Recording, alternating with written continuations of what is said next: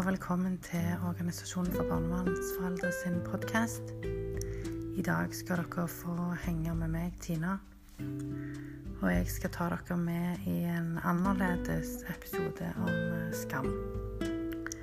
For de av dere som kjenner meg eh, fra før, så vet dere at jeg har en eh, litt bråkete historie og fortid.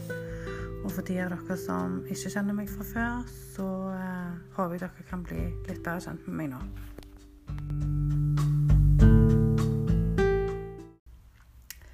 Ja, jeg heter jo da Tina. Jeg er 38 år gammel, og jeg er mor til to fantastisk nydelige barn. Jeg har jenter på 13 og en gutt på 10. I 2016 så ble jeg fratatt omsorgen for begge ungene mine. Det var en lang vei dertil, og følelsene knytta til denne livskrisen er det kun en mor eller en far med samme erfaring som noen gang kan forstå. Siden vi bruker denne podkasten primært for å øke kunnskapen rundt dette med omsorgsovertakelser og barn i barnevernet, så vil jeg ta dere med tilbake til Tina 2016. Det vekker fortsatt mye følelser i meg. Men det jeg ønsker for likevel å dele dette med dere i dag. Kanskje det er noen som kjenner seg igjen, og kanskje ikke. Kanskje var det bare jeg som hadde det sånn, og det er greit. For mine følelser er mine, og dette er min sannhet. Jeg skalv når advokaten min ringte. Jeg visste hva han skulle si, men jeg orka ikke høre ordene. Ikke akkurat nå, og ikke ennå. Jeg syns det var et skjedent triks det barnevernet gjorde i nemnda.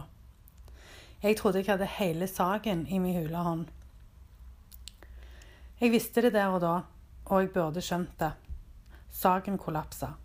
Det var det siste vitnet. Jeg møtte henne i gangen. Hun ville ikke se på meg. Hun skjøv meg vekk når jeg prøvde å hilse. Og den monotone klangen i stemmen hennes fortalte alt det hun holdt tilbake. Alt hun skulle inn og si. Hun skulle vitne mot meg. Henne hadde jeg delt mine innerste tanker med.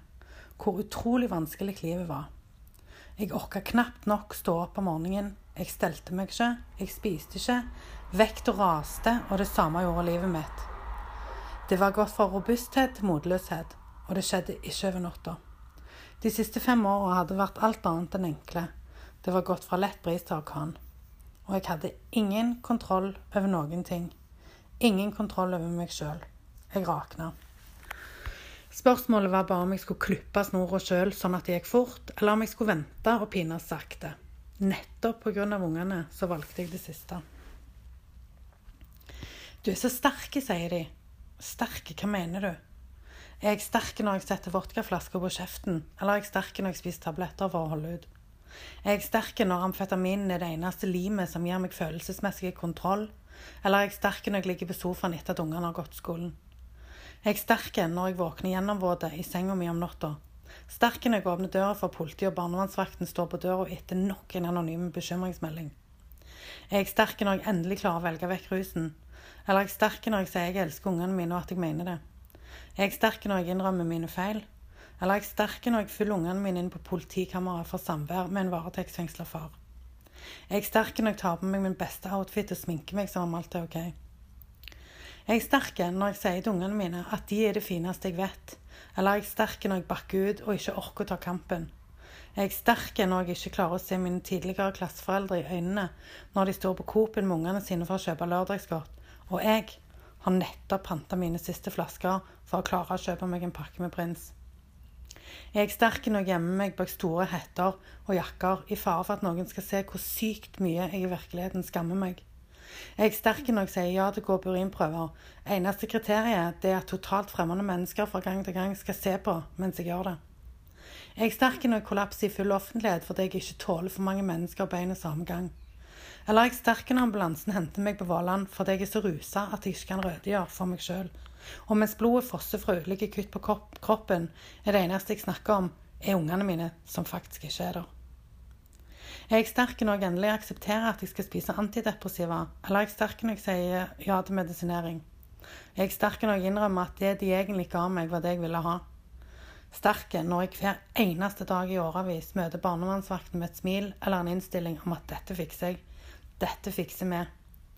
Jeg er sterk når jeg varsomt betrygger ungene mine om at de kun kommer for å sjekke at vi har det fint. Jeg er sterk når jeg får de til å tro på det, eller er jeg sterk når de griner i fortvilelse? Er jeg sterk når vi alle puster skrekkslagent ut når barnevernsdamene går? De tok oss ikke denne gangen heller. Er jeg sterk når jeg fortvila skriker ut min smerte i bunnen av ei rødvinsflaske? Eller sterk når dattera mi forteller meg hvor tungt jeg sov når hun våkna av mareritt og mamma ikke var tilgjengelig fordi jeg sovna og fikk en blackout? Er jeg sterk når jeg mottar beskjeder som får selv den tøffeste gutten i gata til å grine tårer han ikke visste han hadde? Eller er jeg sterk når smerten jeg bærer inni meg, er så jævlig at kull vold fra en fremmed mann kan få meg til å føle noe? Jeg er når jeg innser at det kjæreste jeg har, mest sannsynlig har det best uten meg.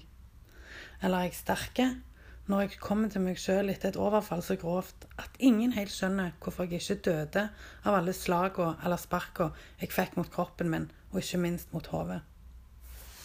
Jeg er sterk når jeg motsetter meg arrest nettopp etter at denne hendelsen fant sted. Jeg er sterk når tre politier må legge meg i bakken med makt og ta meg med til stasjonen for å kunne ivareta meg.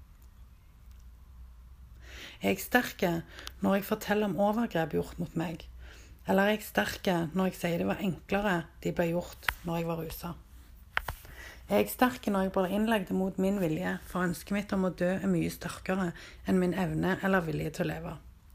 Er jeg sterk når jeg skriker til kontaktpersonen min i barnevernet og truer både hun og hele etaten på livet når de flytter dattera mi fra båsen og jeg ikke vet for videre hvor hun er? Er jeg sterk når jeg skyver sprøyta inn i armen min og gleder meg til følelsen jeg snart vil få? Er jeg sterk når den er så langt vekke at jeg overjusterer og ender opp i en virkelighet som ikke fins. Er jeg sterk når jeg ringer en av mine beste og nærmeste venner for å si farvel. Jeg orker ikke mer. Jeg har ingenting igjen å leve for. Ingenting igjen å leve for. Fy faen, det er sterkt. Når sannheten er at jeg har to unger som ikke orker å leve uten meg. Men jeg er sterk, jeg. Så sterk at jeg nesten velger de vekk. Igjen og igjen og igjen sterk når den eneste ene jeg trenger, er vekke pga. alkoholrelatert hjerneskade. Er jeg sterk når jeg fortsatt elsker henne og trenger henne, selv om hun valgte meg vekk? Er jeg sterk når jeg skriker til henne og hun ikke forstår? Sterk når jeg banner og skremmer henne fordi jeg vil hun skal straffes for alt hun har utsatt meg for? Sterk når jeg ærlig og fint lyver til meg sjøl og alle andre rundt meg? Jeg er sterk når leiligheten min raseres, og jeg i full fres knuser alt som er knusbart. Sterk når dette er den eneste måten å få ut den jævlige smerten min på. Sterk når det viktigste for meg er å opprettholde en fasade jeg så inderlig gjerne skulle ønske at røyk. Er jeg sterk når jeg besøker ungene mine full i morfin? Eller er jeg sterk når jeg ikke griner når jeg overleverer dem i fosterhjem?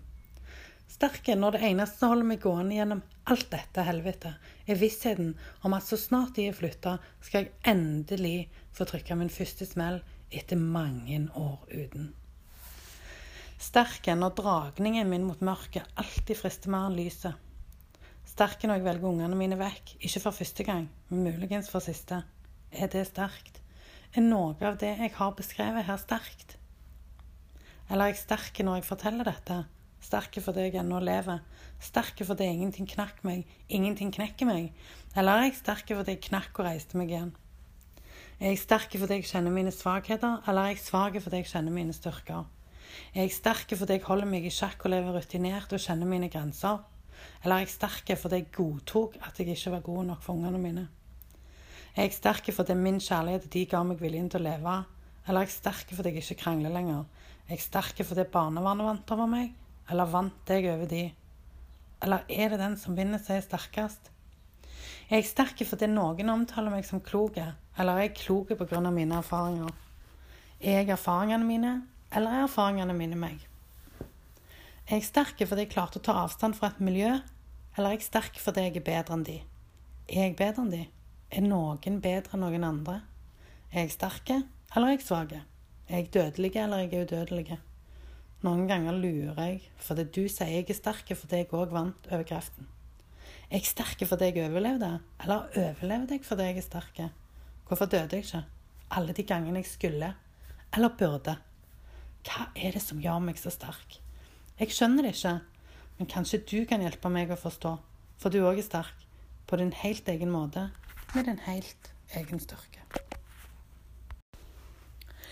Noe av eh, målet med disse podkastene våre er jo at vi ønsker og håper at noen kan kjenne seg igjen, og at vi kan lære av hverandre og hjelpe hverandre.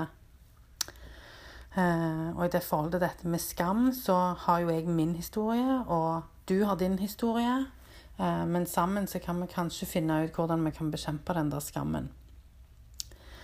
Men gjennom andre mennesker så tilegner jeg meg massevis av egenskaper som jeg i utgangspunktet ikke hadde. Og de var nødvendigvis alt annet enn gode. Men de blir en sannhet, og du tror på dem. Så satt jeg der, voksen og alene igjen, på institusjon og skulle bearbeide alle tapene. Ikke alle seirene over det jeg fikk til, alt jeg hadde oppnådd, men det jeg hadde kasta bort, mista og tapt. Så måtte jeg bestemme meg, da. Hva har jeg igjen å leve for, og hvem har det rundt meg? Hvem hadde jeg rundt meg? Hva ønsker jeg å oppnå, og hvem ønsker jeg å være? Og da snudde det. Skammen gikk fra å være et dypt mørke til å bli mitt moralske kompass. Jeg vil ikke være hun, mammaen som ruset seg for ungene sine, dattera som svindla foreldrene sine, søstera som aldri fikk bli kjent med tanteungene sine. Jeg måtte våge å ta de oppgjørene. De vondeste først, litt etter litt, og så skjer det. Du frier deg sjøl fra lenkene du har tvunget deg, tvunget deg sjøl til å bære, og så begynner du på ny. Det er som å skifte ham, tror jeg. Du erkjenner, renser deg sjøl, tilgir og går videre. Du lærer deg å leve, liksom. Med alle disse sårene som du har påført deg sjøl og andre. Du plastrer deg sjøl sammen igjen. Gjennom andre mennesker så heles du. Bede for bede, dag for dag. Bare for i dag, og én dag om gangen. Først og fremst så måtte jeg gå fra total isolasjon til et fellesskap. Altså, jeg mener ikke isolasjon som det å nødvendigvis være alene, men som å være ensomme. Uansett hvor mange mennesker jeg hadde rundt meg, og hvor mange jeg omgikk, så var det den der ensomheten. Den prega meg alltid i større eller mindre grad. Det var alltid noe jeg skjulte. Alt fra de små tinga til store, alvorlige løgner. Jeg kunne ikke fortelle det til noen, for da røyk jo fasaden, og den tanken skremte meg mer enn noe. Men så ble jeg en del av et fellesskap, og det var et rigid regime sådan. Jeg reiste til veksthuset. Og plutselig så hadde jeg der 21 speil rundt meg daglig. Hele tida var det noen der, til og med når jeg sov. Og det var der han røyk fasaden. Og fasaden tok ruspersonligheten min med seg i fallet. Og uten den så visste jeg jo ikke hvem jeg var. Alt var kapsla inn i han. Løgnene, intrigene, maskene og eventyret. Eventyret Tina som jeg hadde presentert for alle i over 30 år. Om de kjøpte det eller ei, det er jo én ting. Men hovedproblemet mitt var jo at jeg kjøpte det. Jeg kjøpte min egen versjon av sannheten, for jeg ville så inderlig gjerne tro at han var sann. Uten han så var jeg helt tomme. Men alt rakner, og plutselig så våkna jeg til live i mitt eget verste mareritt.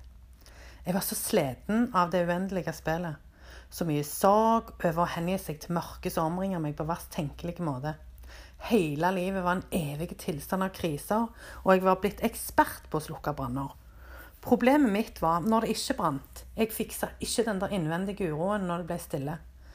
Jeg kunne knapt nok noe annet enn å stå i krise etter krise etter krise. Og det ble jo til slutt en strategi for å overleve. Tida ble moden, og det ble på tide å slutte å overleve, for jeg ville jo leve. Men jeg hadde jo ikke peiling på hvordan jeg skulle gjøre det. Og hvordan begynner man å leve når det eneste jeg hadde levd for, var borte? Størstedelen av livet levde jeg i konstant frykt for ikke å bli elska, for jeg trodde jeg ikke var god nok. Og så fantes det to små mennesker som elska meg ubetinga, og det var gjennom min kjærlighet at jeg begynte å kjempe meg tilbake. De var motivasjonen, uten tvil. Det høyeste ønsket mitt var å være mamma igjen. Om det så bare var 16 timer i året, så skulle jeg være 100 mamma da. Men jeg måtte først fri meg sjøl fra rusavhengighet, og da kunne kanskje den sirkelen stoppe med meg. Men fortsatt så var det noe inni meg som sloss og kjempa. Jeg kjempa mot det med alle kreftene jeg hadde. Alt mørket som allerede var der, og det nye som hadde tatt plass, det ville liksom ikke slippe. Men så ba min datter, datter mi på meg på sine knær om å få mammaen sin tilbake. Og da var det noe der som tenkte det var nå eller aldri. Jeg vakla på det tidspunktet helt mellom liv og død. Men hun var lyset mitt, hun og lillebroren. Og de fortjente ikke mitt mørke men jeg påførte de det. Enten jeg ville eller ei, så var det fortsatt mitt ansvar å beskytte de fra den jeg var i ferd med å bli. Mamma, kom tilbake til meg. Du må bare si at noen må hjelpe deg. Vær så snill, mamma, kom tilbake. Vi trenger deg. Så jeg ga opp. Jeg bare ga opp. Jeg begynte å høre på andre. Jeg begynte å tolerere og akseptere, jeg tok tilbakemeldinger på oppførselen min, og jeg slutta å la de definere meg. Det handla ikke om verdien min, men aspektene mine med håndteringen av det som skremte meg sånn. Følelsene mine. De jeg hadde undertrykt og fortært i så mange år. Jeg måtte erkjenne de, tilkjennegi de, og så måtte jeg sortere. Det kom gradvis elementer av tillit til de jeg hadde rundt meg. Og jeg tørde og vågde, for jeg trodde på det så de anbefalte meg. Plutselig grein jeg som en liten unge, for jeg var så redd.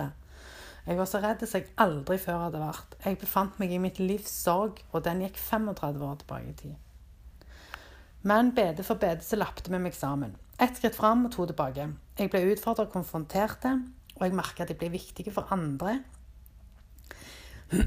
Sakte, men sikkert så begynte jeg å tro på alt de sa til meg. De var glad i meg, og de ville meg vel. Maskene forsvant, og så kom jeg fram. Sårbar og liten, og samtidig sterkere og mer fokusert enn noen gang. Jeg følte meg faktisk til tider ganske uovervinnelig. Jeg hadde mange rundt meg som hadde gått veien før meg, og det er de som er heltene i min historie. Det er de som er krigerne, og det er de som er bærere av håpet og motet som de videreførte til meg. Jeg hadde aldri klart uten de. Fagpersonene og instansene rundt bærebjelkene, men det er de med samme erfaring som veggen. Og når jeg til slutt fikk tillit og lente meg inntil veggen sammen med de, så har jeg liksom bare stått der og blitt stødigere og stødigere. Det hadde aldri gått uten dere. Jeg hadde aldri fått tilbake det viktigste, som er håpet. Det jeg ble mest utfordra på, og som i dag helt klart er min store styrke, det er skammen. Den definerte meg. Av alt jeg hadde feila i, så var det å feile som mamma det absolutt verste. Jeg hadde så mye uoppgjort med min egen mor, ting som aldri kunne repareres. Så jeg ble tvungen til å ta de oppgjørene med meg sjøl, for jeg var jo blitt alt det jeg frykta. Jeg var blitt min egen mor, som jeg lengta etter å hata på samme tida. Jeg gikk langt tilbake og begynte å grave, og jo lenger jeg var rusfri, mm, til reddere ble, ble jeg. Og siden redselen var det jeg frykta mest, så reagerte jeg med sinne. Jeg hata elskende, og jeg hata savnende. Min tidligere regulering knytta til følelsene rundt dette var jo uholdbar, så stoffet og alkoholen ble min medisin. Jeg hata at jeg gjorde det samme mot mine egne unger som hun hadde gjort med meg. Men samtidig som jeg tok oppgjør med svikten, kom det mer og mer fram alt det med hun som jeg hadde glemt. Alt hun lærte meg, og alt hun ofra. Hvor fin hun var, hvor sterk hun var, hvor vakker hun var, vågal, kraftfull og rettferdig kjærligheten hennes for meg og til alle de rundt seg. Helt fra små bagateller som jeg gjorde med mine egne unger, til de store tinga. Det var jo hun som hadde lært meg det. Lapper med positive ord i matboksen. Plutselig leste jeg hennes lapper i min matboks. Hytteturene og latteren. De gode rådene og grensene som hun prøvde å sette. Min mor hadde jo vært alt det jeg sjøl hadde vært for mine. Hun elska meg ubetinga. Hun elska bare ikke seg sjøl nok til å følge meg gjennom livet. Det var vendepunktet mitt. Mamma, som nesten ble, mein, ble døden min, var plutselig min ende. Skammen gikk fra å være dødelig til å bli min styrke og mitt kompass. Jeg tilga meg sjøl gjennom å tilgi henne, og min kjærlighet og min forståelse for mamma har aldri vært så sterk som han er i dag.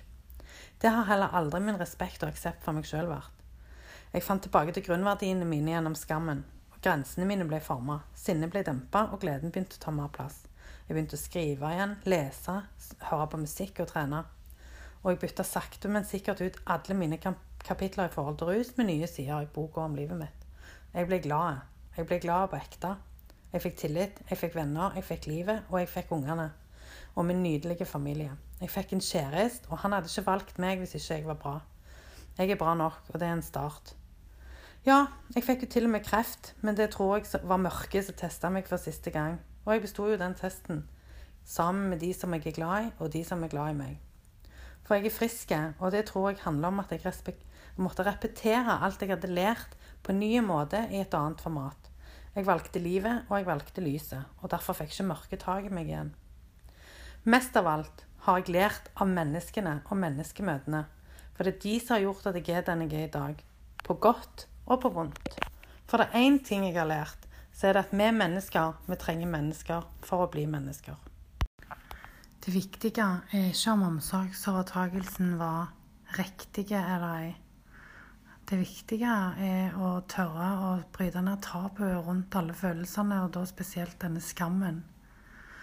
Eh, for jeg kjenner ennå når jeg eh, skal på foreldremøter, når jeg er på fotballkamp, når jeg ser unger som går i klassen til ungene mine, som ikke helt forstår hvem er hun, eh, og hvor er de som fulgte barnet mitt sist gang, så er det det å våge å snakke om det og våge å få det inn i samfunnet at annerledesfamilier er òg bra familier, og at foreldre med utfordringer er foreldre som allikevel er glad i ungene sine, og som stort sett alltid vil de det beste. Jeg tror at med nye holdninger og bedre holdninger rundt omkring i samfunnet, så kan vi bryte ned masse tabuer, både for oss som foreldre, men òg for ungene som må vokse opp på de vilkårene de må. Det er en av fanesakene mine som styremedlem og medlem generelt i OBF. Det er å være en bærer av håp, eh, bryte ned tabuer og sørge for at ingen skal gå igjennom alle disse følelsene som er en del av omsorgsovertagelsen, er alene. Så jeg håper at eh, de av dere som måtte ønske, tar kontakt med meg, eh, eller med oss, eller og stiller meg, stiller meg gjerne masse spørsmål. kommer ris og ros. Kontakt meg på privat Messenger eller på CODOBF. Um, ja, jeg eh, Jeg kjenner ennå når jeg snakker om det, så preger det meg. Og, og det kommer det nok til å gjøre resten av livet mitt. Men jeg har lært ufattelig mye av den eh, veien jeg har gått, og den reisen jeg har hatt. Og jeg eh, føler meg som en helere mamma etter jeg kom inn i Organisasjonen for barnevernsforeldre og møtte alle de fantastiske mødrene og fedrene jeg har møtt der, uh, som gjør uh, skammen mye, mye enklere å bære, og ikke minst å leve med.